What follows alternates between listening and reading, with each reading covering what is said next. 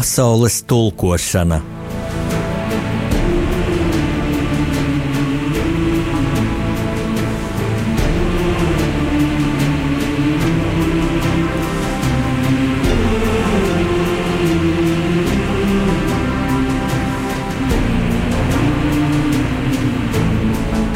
Studijā rakstnieks Jānis Udris.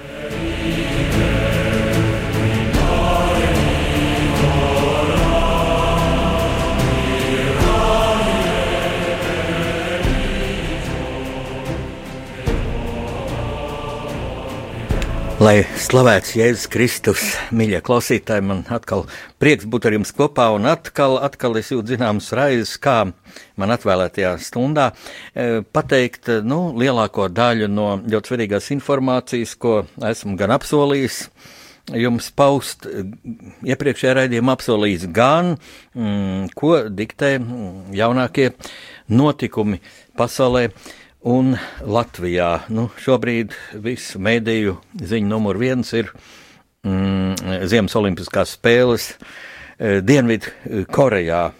Mēs ļoti gaidām medaļas mūsu Olimpiskajai komitejai. Es arī ļoti gaidu, ļoti ceru uz rītdienu, ka rītdien jau būs kādas labas ziņas. Bet, bet šajā sakarā man tiek uzdot ļoti daudz jautājumu par pašu Koreju, jo Izrādās, ka nemaz nav daudz cilvēku, kur ir bijuši vienā vai otrā Korejas valstī.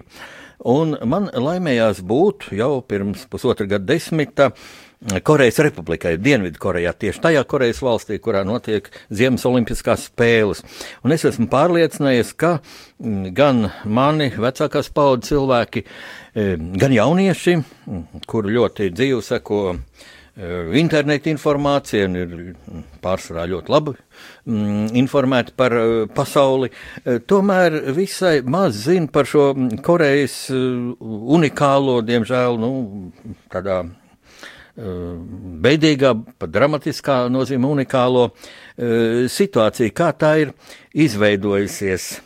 Un, ziniet, bija tāds gadījums manā ģimenē, mm, ka mana mazmeitiņa nesen viņa liela meitene, eh, viņa man pēkšņi jautā, vectēti, eh, saki, vai Latvijai, kad mēs bijām padomju okupācijā, vai Latvijā eh, bija kas līdzīgs ar tagad jau Ziemeļkoreju, par kuru nu, viņi ir izlasījusi mm, daudz nu, briesmīgus faktus internetā. Un, jā, un šis jautājums Jāteic, ļoti būtisks jautājums. Lika man ļoti padomāt, un tad es atbildēju tā, ka šeit ir jādala, laikam, ja gribam salīdzināt ar Ziemeļu Koreju, ja domājam, vai var salīdzināt, tad mm, atbildi būtu jādala divās daļās, jo, lai gan viss padomju okupācijas laiks bija mm, briesmīgs, taču arī briesmām ir dažādas gradācijas, un uh, ja runājam par Staļina laiku, par pirmajiem tā tad, nu, 13 padomju okupācijas gadiem, tā pirmiem 13 Latvijas okupācijas gadiem jau tie sadalījās viens gads padomju okupācija, tad četri gadi Vācu okupācija un atkal padomju okupācija līdz Staļina nāvei.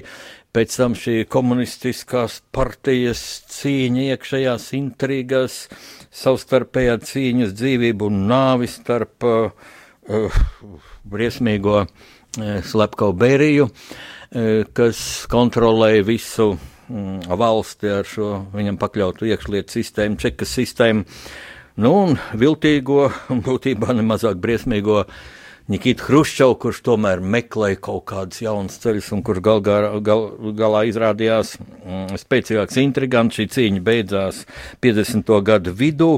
Nu, lūk, tā padomjas Savienība un Latvijas realitāte tajā laikā, jā, varētu salīdzināt ar šodienas Ziemeļkoreju, kurā ir totāla izspiegošana pat tādā līmenī, ka tur nav tā kā jāziņo, ja dzird, kad kaut ko tādu nelabu par šīs valsts iekārtu runā, bet gluži vienkārši skolēniem ir pienākums ziņot mm, visiem obligātā kārtā, cik es zinu, skolā ir jāraksta domraksts, par ko runāja viņa vecāki, teiksim, vakardien, jā.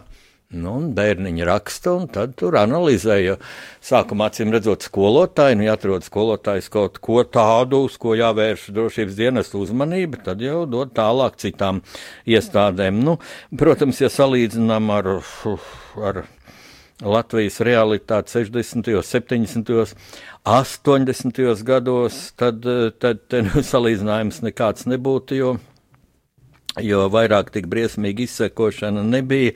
E, Padomju Savienība bija, mm, nu, atbrīvojoties no šī no briesmīgā staļinisma sloga, kas bija tiešām jau tādā fašistiskā līmenī. Man kādreiz viens mm, vīrs, kurš bija par dienestu Vācu leģionā, kurš bija izsūtīts uz Sibīriju, stāstīja, ka tur viņu tajā barakā bijis viens puisēns, 12 gadus vecs, kam piespriesti 10 gadi mm, izsūtījumā par pretpadomu propagandu, un tā pretpadomu propaganda, ko bērns veids, bija tāda, ka viņš bija avīzē Staļina bildē piezīmējis brilles Staļinam, jā, teica ieraudzījis, iemetis to avīzi krāsnī, bet avīze nav sadegusi, un kaimiņš Nu, tā, tajā laikā pastāvēja tā sauktie komunālie dzīvokļi, ka vienā dzīvoklī varēja un dzīvoja vairākas ģimenes, katrs savā istabā, un tas bija laikam tādā kopējā istabā, un kaimiņš izvilka no krāsnes to avīzi, nodzējis, aiznes uz čeku, un, lūk, puisēns dabūja desmit gadus, padomu varas ienaidnieks. Nu, tas kaut kas līdzīgs kā Ziemeļkorejā. Bet kā tad mm, radās šī dīvainā situācija, kur es esmu aprakstījis savā pirmajā grāmatā? Man pirmā grāmata iznāca pirms 14 gadiem, zīmīgs tāds skaitlis, divreiz septiņi gadi, un pirmās grāmatas nosaukums ir no Berlīnas mūra līdz 38. paralēlai. Cik es esmu bijis dažādās bibliotekās, tāda biblioteka ir daudz, tā interesi pēc pavaicāja. Vakar bija Līvāna bibliotekā, pavaicāja, jā, bibliotekā ar saka, šī jūsu grāmata ir un cilvēki to lasa. Tā tad no Berlīnas mūra līdz 38. paralēli apgāds Jumava 2004. gads. Un tur ir viena nodaļa paralēli par Korejas tautas sirdi. Lūk, šī paralēla 38. paralēli, kas sadala Korejas pussalu divās daļās un vienu valsti divās daļās, tādā cietsirdīgā pragmatismā, pa geogrāfisko paralēli. Un kā tas notika? Nu, Koreja tikai līdz 1910. gadam bija neatkarīga vienota valsts, pēc tam viņa nonāca Japāņu okupācijā, un kad Japāna otram pasaules karam beidzoties kapitulēja, tas bija 945. gadā, tad šī Korejas pusēla tika sadalīta divās okupācijas zonās - Amerikāņu, Amerikas Savienoto valstu un PSRS okupācijas zonā. Un šī okupācijas zona tur politiķiem, militāristiem nebija daudz ko prātot, nosprieda, ka tas iet pa 38. paralēli. Taču neviena, nu jā, un dabīgi Amerikas pusē tur tā tad nu, valdīja Amerikas likuma, okupācijas varas likuma un PSRS pusē atkal padomīja tāds okupācijas režīms, bet uh, ar Amerikas Savienoto Valstu atbalstu 48. gadā maijā šajā amerikāņu okupācijas zonā notika vēlēšanas un tika ievēlēts viens korejietis, kurš bija līdz tam Vašingtonas universitātes pasniedzējs Līs Sinmans. Uh, viņu ievēlēja par prezidentu un, un tika proklamēta Korejas republika. Tā tad rietuma parauga demokrātiska valsts. Un interesanti, ka mm, šis Līsina Mans un viņa uh, valdība, viņa parlaments, uh, viņa valsts parlaments, viņi mm, tā kā paziņoja, ka nu, viņi uzskata sev par vienīgo varu Korejas pussalā, varu pār visu korejiešu tautu. Un tā ambiciozs paziņojums, kam, protams, nepiekrīt otrā pusē, nepiekrīt Ziemeļkoreja, kurā tad dominēja komunistiskā partija, komunistiskā ideoloģija, un viņi tajā pašā gadā, mazliet vēlāk, sarīkoja vēlēšanas, un 9. septembrī tika proklamēta komunistiskā Korejas valsts, Korejas Tautas Demokrātiskā republika, kura arī tūdaļ paziņoja, ka viņi ir vienīgā likumīgā vara Korejas pussalā. Un interesanti, ka šo uh, valsti tātad par prezidentu tika ievēlēts Kim Ir Sens. Kim ir sens bija, viņš bija padomju mm, savienībā dzīvojis ilgu laiku, viņš bija padomju armijas eh, majors. un, nu, joprojām viņš skaitās um, Korejas Tautas Demokrātiskās republikas prezidents. Tā dīvaini, kaut viņš mīra jau 1994. gadā. Viņš tika paziņots par prezidentu mūžīgi mūžos, nevis nevis tā teikt uz mūžu, ja kā dažkārt tas sastopams autoritāros režīmos. Dzīvo, būs prezidents, valdīs, kamēr, kamēr, eh, kamēr beigsies tev zemes gaitas, nu vai arī kamēr tev kāds konkurents gāzīs militāra apvērsuma ceļā.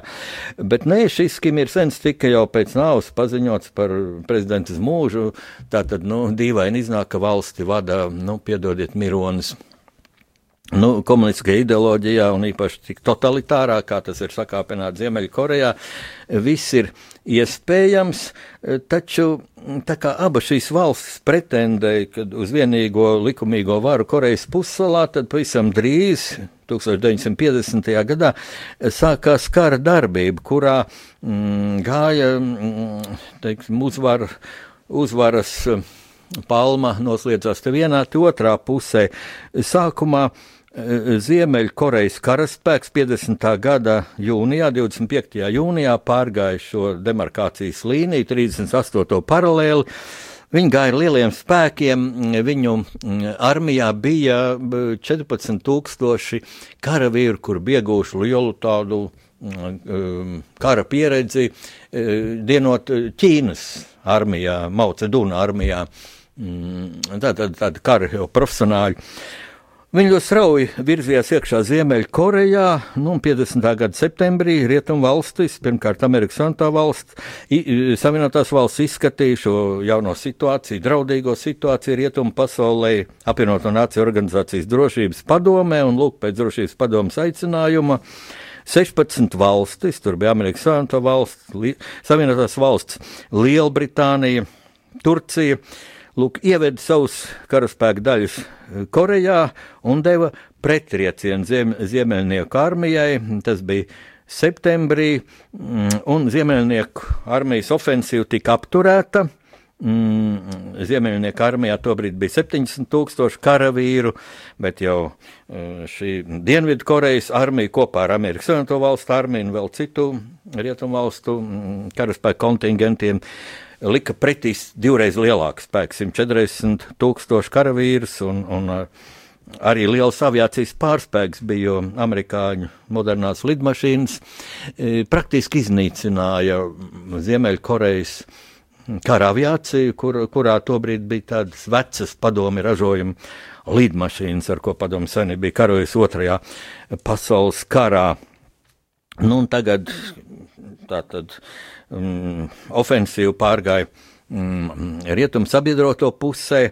Um, amerikāņi izsēdināja lielu tanku desantu Seulas ostas rajonā, jo ziemeļnieki jau bija ieņēmuši pat tagadējo mm, Dienvidkorejas galvaspilsētu Seulu. Izsēdināja tanku korpusu ar 50 tūkstošiem labi bruņotu karavīru. Šo korpusu vadīja ģenerālis Makārturs. Un šis trieciens tātad atspied Ziemeļkorejiešus atpakaļ, atspied pirms 38. paralēlas turpat, kur šīs abas karojošās puses vai naidīgās Korejas tautas puses bija atradušās 50. Mm, gadā. 23. Mm, oktobrī amerikāņi ieņēma Phenjānu, un tad, nu, redzot, ka komunistiskais režīms ziemeļos var krist, karā iesaistījās ķīniešu brīvprātīgie. Ļoti liels skaits ķīniešu brīvprātīgo 25. oktobrī uzsāka militāru ofensīvu atkal pret dienvidniekiem. 51. gada ziemā šī komunistiskā korejiešu armija, nu, pamatā tātad, kurā bija jau ķīniešu karavīri, atbrīvoja Phenjānu. Uh, nu, un rezultātā 50. Pirmajā gadā vasarā fronte sastinga uz 38. paralēlas, turpat, kur bija šī demarkācijas līnija. Un tad, nu, pirmais, starp citu, Ķīnas līderis Mao Ceduns, Ķīnas valsts tikko bija nodibināta, viņš e, ierosināja noslēgt pamieru 51. gada maijā. Bet Padomjas Savienība tam nepiekrita, jo Padomjas Savienība jūta, ka kopīgi tā tad šie ziemeļkorejieši ar ķīniešu karavīriem, ar Padomjas Savienības dotiem ieročiem, uh, Lielā mērā šie ieroči bija tie, ko Padomju Savienība bija atņēmusi pēc Japānas kapitulācijas Japāņiem. Padomju Savienība apbruņoja gan Maucedūna armiju, gan Ziemeļkoriešu armiju. Ka var, ka var sakaut Dienvidu Korejas spēkus, jo vairāk tādēļ, ka Padomju Savienība sāka piegādāt Ziemeļkorejai pašus jaunākos, tolaik jaunākos reaktīvos iznīcinātājus MIG 15 bija tolaik ļoti moderni.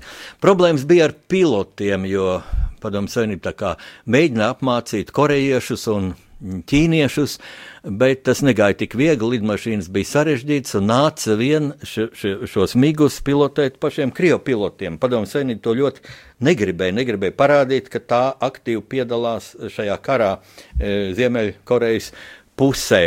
Un tad šiem krievu pilotiem bija aizliegts ēterā, radioviļņos sarunāties krievu valodā, viņiem bija jāiemācās atsevišķas frāzes korejiešu valodā un tā tālāk, un tā tālāk. Viņiem bija aizliegts arī lidot uh, uh, front, pāri frontes līnijai aizmugurē gadījumā notriec, tad nu, vai saņem gūstā, vai arī beigt šo lidotāju atrod, lai nevar identificēt, ka tie ir padomi savienības pilsoņi. Lūk, tāda sarežģīta situācija, bet Staļins ļoti ietiepīgi tomēr bija par to, par to, ka, mm, ka vajag turpināt šo karu. Un, mm, tā bija pirmā eh, tāda ļoti lielā militārā sadursme pēc otrā pasaules kara beigām, un savā ziņā tāds pirmais mm, augstā kara epicentrs un vienlaikus jau kara darbība, netieša bet, nu, ko mēs uzskatām par netiešu ar Padomu Savienību un Ameriku, jo vienā pusē bija amerikāņu militārās lidmašīnas ar amerikāņu pilotiem, otrā pusē bija mm, Padomu Savienības lidmašīnas ar, ar Krievu e, pilotiem. Nu, iznāca tā, ka Staļins, Staļina nāve izšķīra Korejas pussalas likteni tam brīdim. Staļins tātad mira 53. gada martā, un 53. gada jūlijā tika noslēgts pamieris. E, pagaidu pamieris starp abām Korejas valstīm, kas ir spēkā joprojām. Tātad Korejas pussalā joprojām nav noslēgts miers. Un, un iznāk paradoxāla situācija, ka Ziemas Olimpiskās spēles notiek nu, valstī, kas it kā atrodas kara stāvoklī. Ja nu, pamiers tas nav miers, tātad tas ir zināmā mērā kara stāvoklis, kara darbība, jebkurā brīdī var atjaunoties. Un te nu man jāteic, ka tāda ļoti pretrunīga informācija mēs pēdējos mēnešos esam saņēmuši. Pirms dažiem mēnešiem tikai, ja, būtībā jaunu pakāpi sasniedz šī Ziemeļkorejas, nu, gluži marasmātiskā kodola ieroču eskalācijas programma, tagad jau ir zināms, ka Ziemeļkorejas rīcībā ir, ir atombumbas, ja, mm, raķetes ar kodolādiņiem. Uh, grūti tā iztēloties, kā tas var būt relatīvi mazā valstī ar 22 miljoniem iedzīvotāju. Dienvidu Korejā, jeb Korejas republikā ir divi ar pus reizes vairāk iedzīvotāju, 50 miljoni, daudz augstāk attīstītas tehnoloģijas. Uh, Bet nu, Ziemeļkorejā bija ļoti augsta attīstība 50. un 60. gados ar milzīgu padomju savienības atbalstu, rūpniecisko, mm, militāro, un tagad vēl vērojot dokumentālajās filmās internetā šīs Ziemeļkorejas militārās parādes, tur var redzēt, ka brauc parādē padomju ražojumu tanki. Un ne jau nu gluži tādu sagrabējuši, bet nu, tādu no 80. gadiem eh, padomju mil, militārās automašīnas, padomju raķetes tiek vestas, nu, un Ziemeļkoreja attīst arī savu raķešu tehnoloģiju, un būtībā ļoti apdraudēta ir Korejas republika, kas atrodas Seula, atrodas tikai stu, stundas braucienā ar automašīnu no, no šīs Ziemeļkorejas, no šīs nu, frontes līnijas. Ļoti apdraudēta ir Japāna, arī dažas salas, kurās izvietot amerikāņu um, armijas kontingenti. Um, nu, un te nu liels jautājums, ko tad Ziemeļkoreja ar to grib panākt. Ir dažādas versijas, man ir arī sava versija.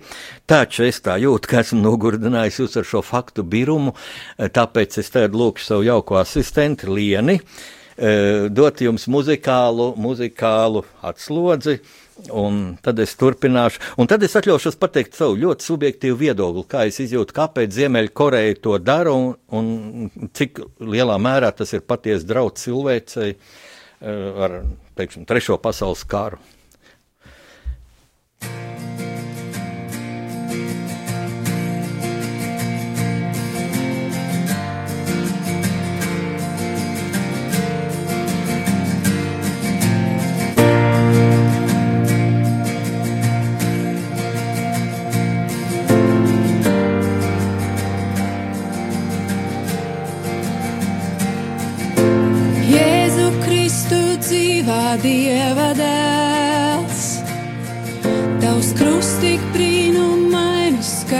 Un cēls. Zemu kritušo tas augstu ceļ. Uz mūžiem smago nestu projām vēl.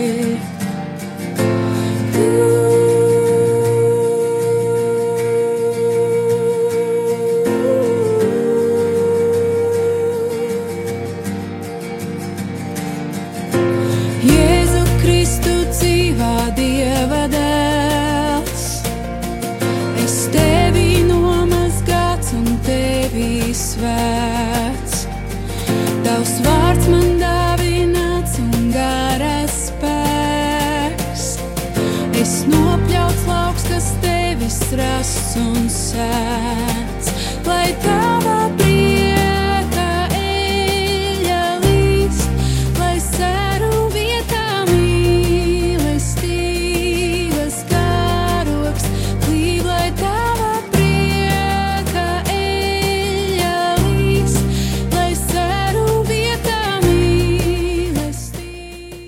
Ja klausītāji, šī mm, dziesma ļoti lielā kontrastā, skaistā kontrastā ar manis minētiem faktiem par nu, patiešām tādu skarbu politisku attīstību Korejas pussalā.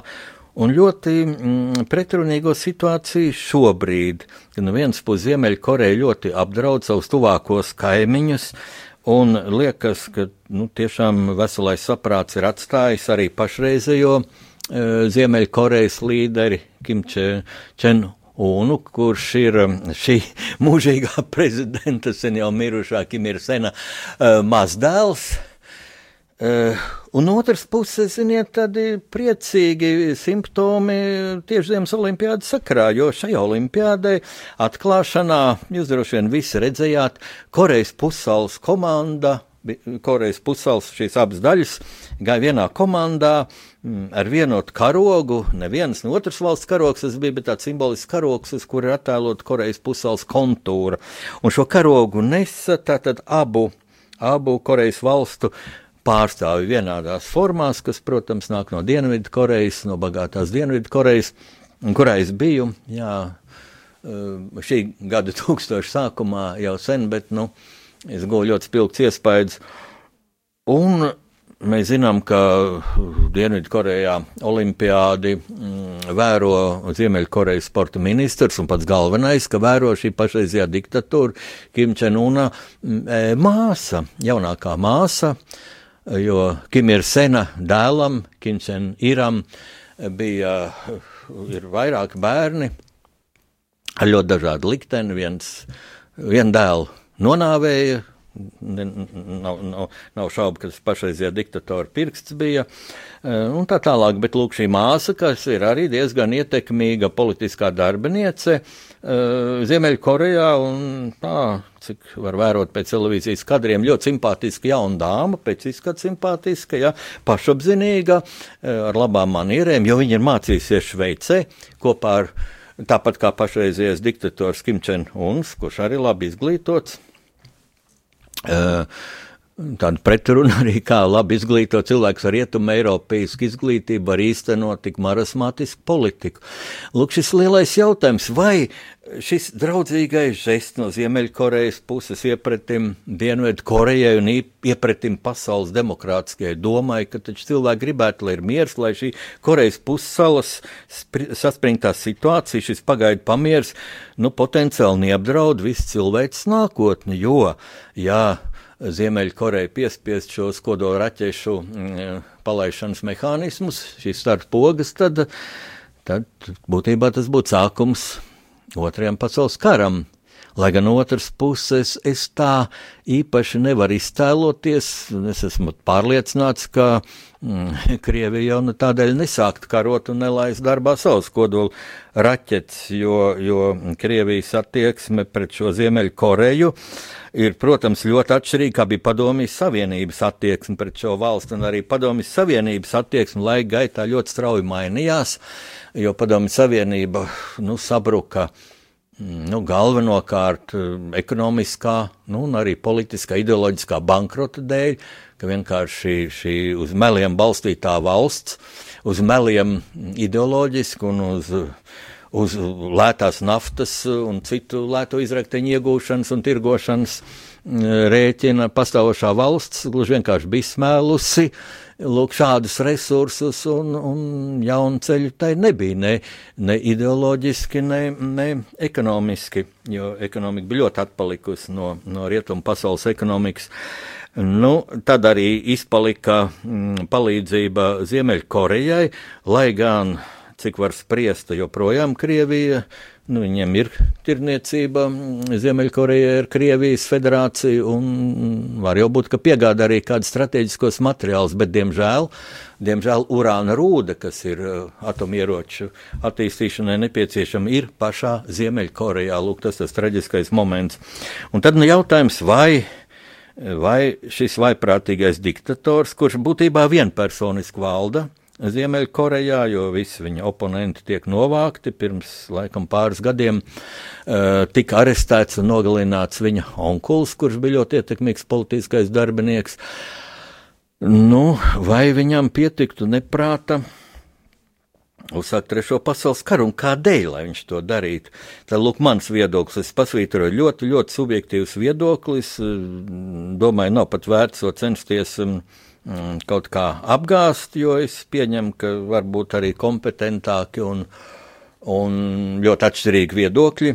Bet mans viedoklis ir tāds, ka nē, e, par reālu kodolu karu šīs Ziemeļkorejas līderis un viņa kliķe nedomā. Mm, nedomā, jo viņi gluži vienkārši saprot, ka viņiem nebūtu resursu karošanai, jo viens ir palaist raķetes un kaut kādu zināmu efektu panākt pirmajā brīdī, bet nu, nu, kāds tas efekts būtu? Nu, labi, iet bojā lielāks skaits cilvēku, cilvēki būtu pārbījušies, bet viņi momentā dabūtu pretī triecienu, e, sāktos kara darbība, bet kara darbība prasa spēcīgu ekonomiku. Taču šī ziemeļa Eh, Korejas ekonomika ir tik ļoti militarizēta un tauta cieši badu joprojām. Ziemeļkorejā televīzijas raidījumos tiek mācīts, kā no zāles vārīt zupu, kā izvārīt garšīgu zupu no zāles. Lūk. Tāds tas līmenis lauksaimniecība ir ārkārtīgi primitīvā stāvoklī. Cik nu, nosacīt moderni ir armija? Nu, protams, jāteic, armija moderni, ja tā ir kodolieroči, lai gan nu, konvencionālais bruņojums, tur tanki, mm, karkuģi. Uh, lidmašīnas nu, nav paši modernākie, nav paši modernākie, jo viņiem nav tik spēcīga rūpniecība šajā mm, valstī. Uh, un galvenais, ka nav resursu ilgstošai karošanai. Gluži vienkārši cilvēki ciestu badu un armija nespētu karot.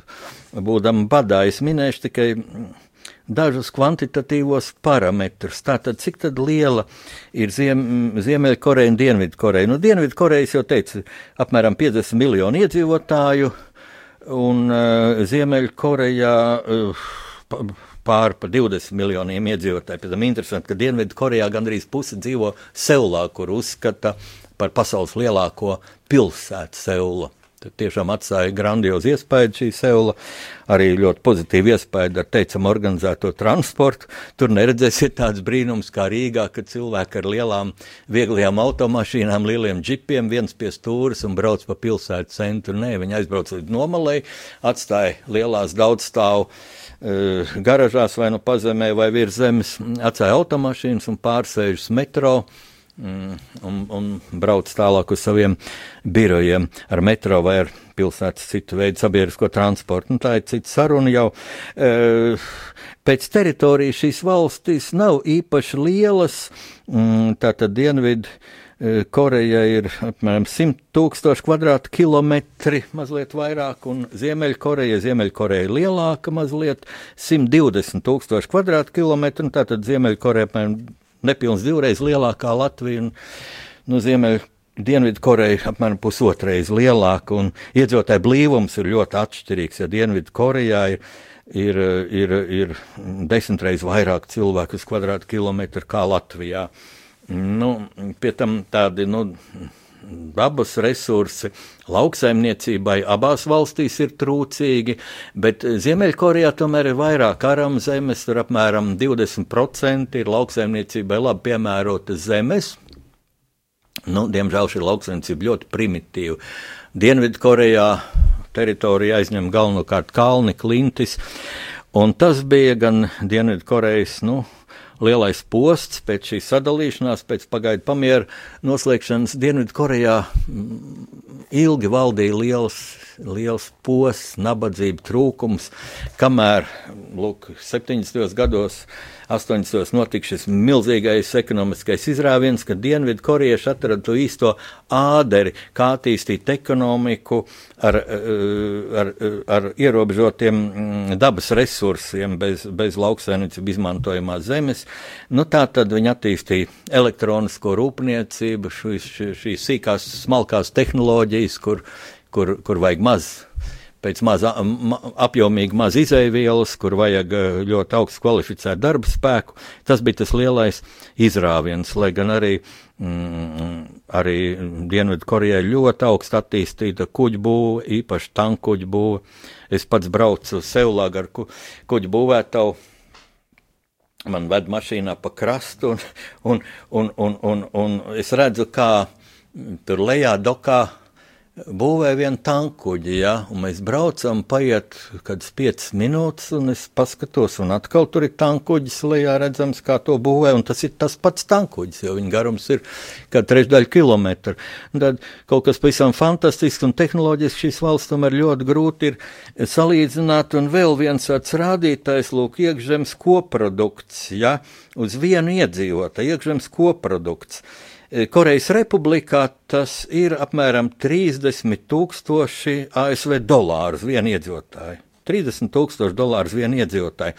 Kamēr Korejas Tautas Demokrātiskajā republikā tas ir apmēram 1 tūkstots ASV dolāru, 30 reizes mazāks. Skaidrs, ka šāda valsts ilgi nevarētu karot un būtu jābūt absolūti neprātīgam, marasmātiskam cilvēkam, lai to nesaprastu. E, starp citu, kad es biju pirms gadiem 15 e, Dienvidkorejā, e, tad Ziemeļkorejā valdīja šis Kim Čen īrs, tas ir pašreizējā viņu diktatora tēvs bija, kurš mīra 2011. gadā. Un, lūk, es viesojos tādā mm, iestādē, ko sauc uh, Institute of Sunshine Politics, Saulstāru politikas institūts. Seulā. Šis institūts nodarbojas ar, ar pēta, nu, teorētiski, vismaz teorētiski, pagaidām hipotētiskā līmenī iespējas, ka Korejas pusēla varētu apvienoties. Ja? Nu, praktiski tas izpaužas galvenokārt Ziemeļkorejas attīstības, viņu propagandas metožu, viņu līderu uzvedības pētīšanā un, un analizēšanā ļoti skrupulozā veidā. Un tobrīd viņi pētīja, piemēram, dokumentālās filmas par šī Kim Chen Ira. Mm, publiskām runām, viņa dalība dažādās izstādēs, viņa dažādiem lēmumiem. Pētīt dažādu nozaru psihologi, eh, psihiatri, un nu, viņu secinājums bija diezgan viennozīmīgs, ka šis Kim Čen Irs eh, bija, bija šizofrēniķis. Tad sirga ar šizofrēniju. Nu, tas jau bija ļoti bīstami. Par, par laimi to brīdi Ziemeļkorejai nebija šo kodolieroču. Nu, jācer, ka Kim Čen Huns uh, nav psihiski slims. Un, uh, Un kādēļ tad viņam vajag attīstīt šīs kodola tehnoloģijas? Un mans uh, viedoklis, mans secinājums ir tāds, ka viņiem nav cita ceļa, kā apliecināt savu identitāti. Viņi ir, šī valsts ir tik ļoti atpalikusi, ka, lai ekonomiski panāktu bagātāko Dienvidu Koreju, tur vajadzētu gadu, gadu, gadu desmitus, pie tam pavisam savādāku mm, ideoloģisko pieeju ekonomikai. Un tad šī valsts varētu sabrukt. Tā var, šī tauta tiek turēta diktatoriskā režīmā, e, totalitārās bailēs no vienas puses un ārkārtīgi fanis, fanātiskā mīlestībā, daļai uzspēlētā, bet daļai arī īstā, jo man liekas, ka tīri tā nu, psiholoģiski vai enerģētiskā līmenī jau šī histēriskā raudāšana, kad nomira, piemēram, Kim Čen-irs, ja, kas neko neizcēlās. Nu, Kim ir sens, tas vēl tas bija karojis otrajā pasaules karā, un tad cilvēkam var iestāstīt, ka viņš ir kara varonis, un kad viņš piedzima, tad tur gaisā balodas uzlidoja un atspīdēja saule, un, zi, un ziemā uzplauka puķes, un tam līdzīgas muļķības var stāstīt, bet Kim Čenirs jau ne ar ko neatšķīrās, viņš bija tikai gluži vienkārši diktatora dēls, un tad vēl trakāk, nu, nu ar ko tad šis Kim Čen uns ar tādu būtu izcēlies, kurš mācījies Šveicē, nu, korejiešu tauta, es domāju, lielākā daļa to nezina, no viņiem tas tiek slēpts. Viņš aizraujas ar, ar, ar, ar mūsdienu popmūziku un ir dažādi rēvija ansambļi nodibināti Seulā, nu, tauta jau to pamazām redz, viņš ir kā tāds moderns cenšas būt. Tā kā te ir liels pretrunas, bet acīm redzot, lai parādīt kaut kādu savu ziemeļkoriešu identitāti, ar ko viņi ir pārāk, nu tad viņi ir pārāk ar kodolieročiem. Ja savu kodolieroču nav kaimiņu valstī Dienvidkorejai, nav kaimiņu valstī Japānai, nu ir Korejai, ir Ķīnai, jā. Nu, tad viņi tā, nu, mēs esam tādi paši. Ja? Es domāju, ka viņi negrib karot, un saprot, ka nekaros, bet turēt tādā zināmās bailēs, un varbūt pat pienāk tāds brīdis, kad nu, viņi sāk šantažēt, teiksim, barojiet mūs, ja dodiet mums tādas produktus, tādas, tādas, atceliet ekonomiskās sankcijas pret mums. Nu, ja tas tā būtu, nu redzēs, kā to lems pasaules varenie politiķi, bet es domāju, tā nebūtu tā lielākā nelaime barot vienu 20 miljonu tautu, to varētu gan Krievija, gan Ķīna, gan bagāta Amerika un bagātā Dienvidkoreja un bagātā Japāna galvenais, lai nebūtu šis drauds mieram. Nu, tas lūk tā par šo, dienvi, par šo Dienvidu Korejas un Ziemeļkorejas sarežģīto situāciju, bet ir kāds fakts, ko man par lielu, lielu pārsteigumu, lielām skumjām ļoti maz cilvēku Latvijā zina, ka Dienvidu Koreja, tagad pievērsīsimies reliģijai, ka Dienvidu Koreja ir katoļu valsts. Viņiem ir viena no lielākajām katoļu kopienām Dienvidu, dien, Dienvidu Austrumāzijā, un tas uz man atstāja ļoti spēcīgu iespaidu. Nu, savukārt Ziemeļkorejā te nu par reliģiju runāt nav iespējams, jo, protams, kristietība vai kāda cita um, reliģiskā konfesija tur ir aizliegta, bet no otras puses tur jau reliģijas līmenī ir pacelta šī komunistisko diktatoru pielūgšana. Un te lūk ir tas faktors, kas ir, nu, varbūt visskumjākais, visnožēlojamākais, ka cilvēku var pie, pie, novest tik tālu, ka viņš sāk jau dievināt uh, dievināt diktatoru. Es, es personīgi ar savu, nu, protams, ierobežoto domāšanu, kā mums visiem cilvēkiem ir, es teikšu tā, ka es saprotu prastu bailes, ka baidās no diktatora, īpaši baidās, nu, ka varētu izreikināties ar taviem bērniem, ar tavu sievu, ja bailes to varētu saprast. Bet, kad skatos šos kadrus, kā šie dienvidi, kā šie ziemeļkorejieši histēriski raudāja, kad šo Kimčen ir e, līķi, šo, šo zārku veidu pa ielām, un, un cilvēki krita gar zem un vārtījās histēriski raudot. Man liels jautājums no vienas puses, varbūt viņi tā tēlo, nu, lai gluži vienkārši izceltos kaimiņu acīs, lai kaimiņi, kas ziņo slepeni policija, uzrakstītu, jā, tas ir īsts, uzticams, komunistiskās valsts pilsonis, viņš lūk raudāja. Uh, varbūt bailes raudāt mazāk kā citiem, bet, kad vēro, liekas, patiešām tās asaras viņiem tek, un vai nu katrs tā mācētu iedarbināt kaut kādus refleksus, lai asaras dabīgi tek, to jau tikai profesionālie aktieri māk. Tas man ir liels jautājums, un es baidos, ka tomēr, jā, šī mm, šī diktatora pacelšana dievības līmenī, ka tā atstāja zinām iespēju arī tādu paliekošu cilvēku, ka viņš ir fanātisks cīnītājs. Par šo režīmu. Man ļoti prātā ir eh, tikšanās ar vienu mm, vecu dāmu. Viņai vārds Bāē, viņa ir katoliete.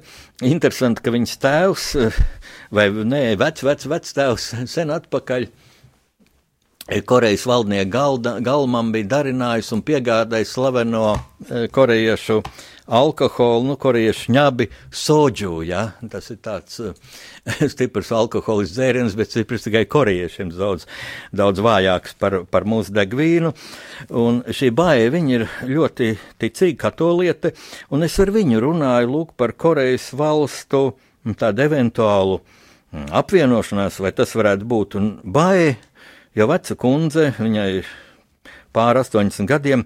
Pie tam interesanti, ka Korejā vecuma rēķina tā, nevis no dienas, kad tu piedzimi, bet diena, kad tu piedzimi, plus vēl 9 mēneši klāt. Lūk, tavs vecums ir no tā brīža, kad pamodās dzīvība mācas miesās. Lūk, nu, tur nevar noteikt dienu, bet nu, vēl plus 9 mēneši. Ja, gadus rēķina, tad viens gads korejieši ir mm, nu, gadu vecāki nekā, nekā būtu mēs Eiropieši tādā pašā situācijā. Un, lūk, šī, šī cienījamā dāma man atbildēja tā par, ziem, par Korejas pusaules nākotni. Nevien, neviens cilvēks jums to nepateiks. Tas ir citāts no manas grāmatas, no Berlīnas mūra līdz 38. paralēlai. Neviens cilvēks jums to nepateiks. To zina vienīgi Dievs. Mums, korejiešiem, ja ilgojamies pēc savas tautas apvienošanās, jābūt pacietīgiem un jālūdz Dieva palīdzība. Un jābūt gataviem piedot, aizmirst visus pagātnes pāri darījumus un aizvainojums. Lūk, ar to es šodien beidzu šo ieskatu Korejas pussalā, tagad muzikāla, muzikāls brīdis, un pēc tam es runāšu tematu, ko eh, ap, apsolīju pagājušajā raidījumā.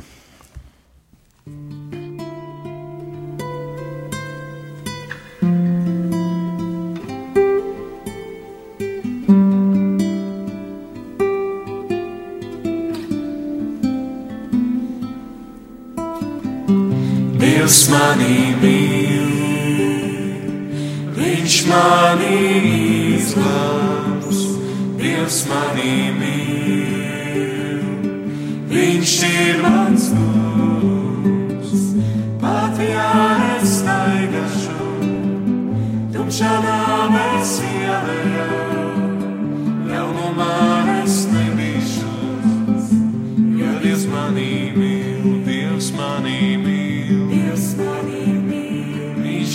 mani izglābs, Dievs mani mīl. Viņš ir mans kungs, pat ja es staigāšu, tumšā nāves ielējā, ļaunumā es nebīšos, jo Dievs mani mīl.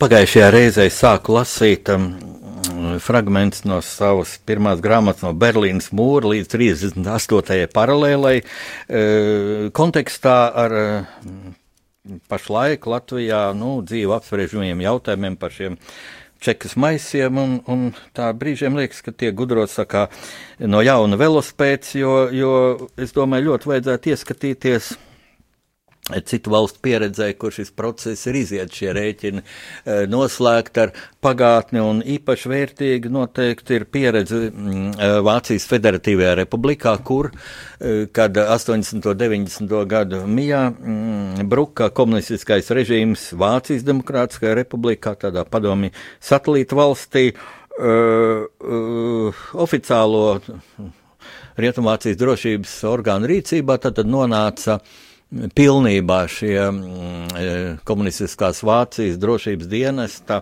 štāzija, štāds Ziherēts dienas, Vācijas drošības policija, uh, arhīvi, divi arhīvi gan mm, mapes ar, ar, ar materiāliem par izsakojamām personām, milzīgs skaits, gan šo aģentu mapes. Un kā pagājušajā reizē jau fragmentā parādījās, ļoti daudz šie cilvēku vārdi sastopam gan vienā arhīvā, gan otrā cilvēki.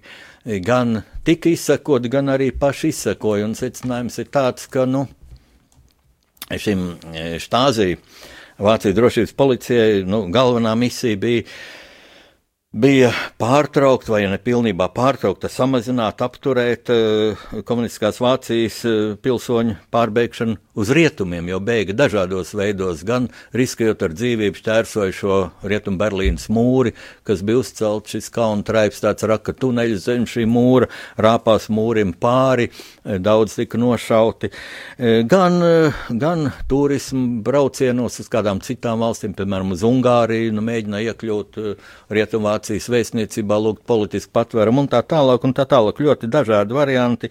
Rietum Berlīnai mm, ir iekārtots tāds Berlīnas mūra muzejs, kur ir unikāls metodas, kā cilvēki tiecās brīvībā. Un šīs stāzija uzdevums bija izsakot, un, protams, visvairāk viņi izsakoja kultūras darbiniekus. Lūk. Un tagad, un es tātad pirms nu, jau pārdesmit gadiem, 1999. gadā, kad uh, Vācijas Federatīvā republika atzīmē Berlīnas mūra krišanas desmitgadu jubileju. Es biju ielūgts pēc Vācijas Federatīvās republikas valdības ielūguma, es biju iekļauts tādā mm, starptautiskā ļoti prestižā plašā žurnālistu grupā ar, ar ļoti interesantu izpētes programmu, un mēs arī varējām vienu dienu strādāt šajā bijušajā štāzija arhīvā. Mums tur stāstīja uh, par, šī, par šīm štāziju metodēm, par secinājumiem, kas ir izdarīti pētot šos arhīvus. Es domāju, ka ka Latvijā, ja mēs grib, gribam tikt skaidrībā ar šiem mistiskajiem maisiem, kur, kuros ir kaut kāda niecīga daļa no īstā valsts drošības komitejas arhīva, jo pamatā šis arhīvs tika aizvests jau, kā mēs zinām, no bijušo VDK eh, vadītāju intervijām, liecībām no, no pēdējā šīs, šī kantora vadītāja Johansona grāmatas, tad jau 88. gadā šīs arhīvs tika aizvests, kāpēc kaut kādi tur maisi tika atstāti, par to vajadzētu padomāt. Es domāju, ka atstāja, labi zinot, kāpēc atstāja, labi zinot, ko atstāja, kas tajos maisos ir Māra Zālīte, to trāpīgi pateica ar citu arī eksprezidents Jānis Jurkāns vienā intervijā saka, atstāja tā kā tādu kaulu, lai latvieši viņu graust un plēstos savā starpā. Tad, lūk, Vācijā es citēju to, ko, ko mums stāstīja šī federālā, federālā dienesta darbam ar šiem bijušiem DDR eh, dokumentiem mm, vadītāja preses sekretāra Kornelija Būla, starp citu pēc profesijas garīdzniece. Lūk, viņi stāstīja, ka bijušie VDR pilsoņi gandrīz par aksiomu uzskata faktu, ka štāzī lietās bija ietverti visi populārākie austrumvācieši ja nu tagad kāds tautā iemīļots literāts vai mākslinieks arhīvā neatrod savu vārdu, tas izskatās bezmaz nepiedienīgi un aizdomīgi. Vācieši joko un ietrada savu vārdu izsakoto personu lietās, godkārīgs cilvēks ķeroties pie štāzī ar štāzī āģentu sarakstu. Un te jāpiebilst tā, ka šie vārdi. Viņi nav publicēti kaut kādos, doku, kaut kādos mm, sarakstos, publiskās vietās, kaut kas tamlīdzīgs. Gluži vienkārši ir arhīvs, kurā cilvēks, kam ir motivācija iepazīties ar šiem dokumentiem, aiziet, aizpilda anketu, e, kāpēc viņš gribēja iepazīties. Nu, piemēram, Vācijas Federatīvās Republikas pilsonis, kas agrāk dzīvoja komunistiskajā Vācijas daļā, viņš grib iepazīties, vai viņi izsakoja, kas viņi izsakoja jā, tad viņam tiek parādīta mapīte, kur ir. Vai viņam pasaka, jā, ir mapīte par tevi, ka tu tik izsakots, vai arī, sorry, tāda mapīte par tevi nav. Nu, ir, tad viņš var skatīties, viņš tos izsakotājus var identificēt, kas tie bija, nu, iesūdzēt tiesā, piemēram, lai gan tādi gadījumi tur esot ļoti reti. Ja? Vai žurnālisti var iet, un žurnālisti bieži pirms parlamentu vēlēšanām tur pēta politiķi šīs mapes, ja? vai, vai politiķi ir, ir bijuši mm, šie ziņotāji vai nav bijuši, un tā tālāk, un tā tālāk. Un, mm, Jāteic, ka, ko Kornelija Būla mums uzsvēra, ja, ka ļoti bieži, faktiski vienmēr laikam paši šie aģenti, šie izsekotāji arī tika uzlūkot ar stiprām aizdomām, un kādam citam aģentam viņas bija jāpārbauda. Un lūk, šeit uh, ilustrācijai Kornelija Būla pastāstīja epizodi kāda aģenta, kāda štāzija aģenta lietā. Un lūk, eh, šī fabula bija tāda. Štāzija virsnieks kādam ārštata aģentam, Kornelija viņu nosauca par A aģents A uzdevusi ierasties pie savu priekšnieku B uz 50 gadu jubilejas svinībām, un tādā neformālā gaisotnē, tur iedzeršana, tāds banketiņš mājā, pavaicāt, ko B domā par viņam piedāvāto iespēju pārcelties uz rietumiem. Un interesants bija nākamais štāzī virsnieks ziņojums. Tātad šis aģents ziņo tikos ar, ar Viens ziņ, aģents ziņo, tikos ar aģentu A, starp mums notika šāda saruna. Vai jūs piedalījāties B jubilejas svinībās? Jā, piedalījos. Vai jūs vaicājāt, ko B domā par iespēju pārcelties rietumiem? Nē, nevaicāju. Kāpēc? Vai jums nebija skaidrs uzdevums? Es nevarēju paprasīt, jo biju piedzēries. Lūk, tāda atbilde. Bet šī ziņojuma, šī ziņojuma apakšā kāds cits štāzija virsnieks pierakstījis, citēju, aģents A melo B jubilejas banketā, viņš izdzēra tikai divas glāzes alus. Lūk, tā tad divi aģenti tur bijuši, nezinot, viens nezina, otrs nezina, ka viņi mm, tā tad. Vienkārši tādi divi ziņojumi salīdzināt, un, jo Vācijas Demokrātiskajā republikā nu, šajā štāzī sistēmā, es domāju, valdīja ļoti dziļš pedantiskums, jo vāciešu, vāciešu nācijai tas nu, kārtības, tas ornungs, tā kārtības mīlestība, un tā nu viņi nu, gan ļoti precīzi izdara, ko, protams, nevar arī teikt par Padomju Savienības iestādēm. Nu, un tālāk Kornelija Bula saka, arhīvā redzams, ka daudzi cilvēki, kas formāli skaitījās štāzi aģenti, nesniedza patiesu informāciju, dažādi izvairoties pateikt ko sliktu par saviem kolēģiem. Štāzī profesionāļi to, protams, redzēja, un šie aģenti vienlaikus nokļuva arī izsakojamo personu sarakstos.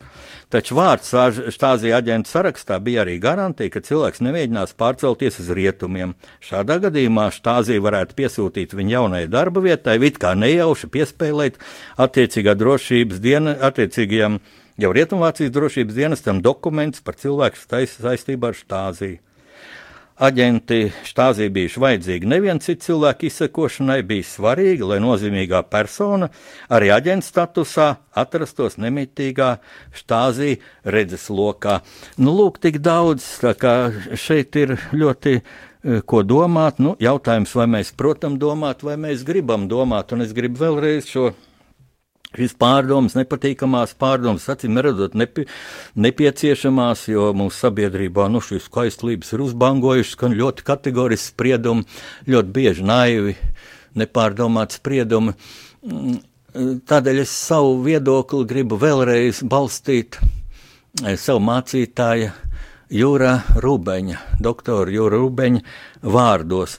Kā bija patiesībā, zini tu un zini Dievs, nu un pārējais viss būtībā nav svarīgi. Tas ir tavs sirdsapziņas jautājums, tavs godprāt jautājums, un šī diskusija, kas Latvijai, es gribu teikt, ir uzspiesta. Ļoti trāpīgs vārds par to saka Māra Zālīte. Es pagājušajā mūsu tikšanās reizē minēju, ka laikrakstā sestdiena diena Tagad arī privātajā dzīvē ir Māra Zālīts intervija. Viņa saka, ka viņa ļoti noraizējusies par to, kā tiek gandēta tautas dvēsele, un es viņai pilnīgi piekrītu. Es uzskatu, ka šī diskusija ir Latvijai uzspiesta, ne gadījuma pēc uzspiesta mm, mūsu valsts simts gadu jubilejas priekšvakarā. Uh, uzspiest un ļoti, ļoti, mm, var teikt, prasmīgi vadīta un uzkurināta.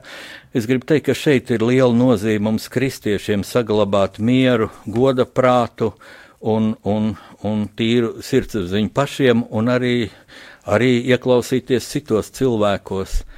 Citos cilvēkos, citu cilvēku sirds balsī. Ar to es arī no jums šodien atvados, lai Dievs jūs svētī un sargā, man mīļie klausītāji.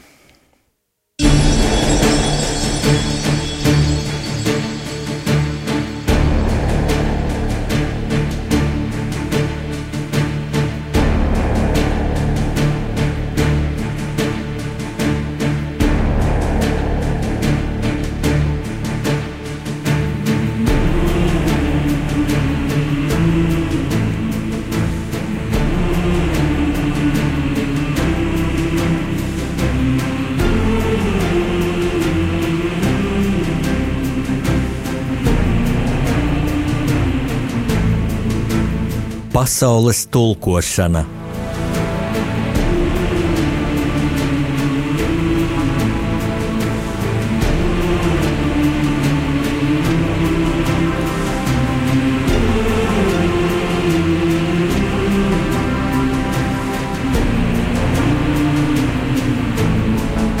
Studijā rakstnieks Jānis Udris.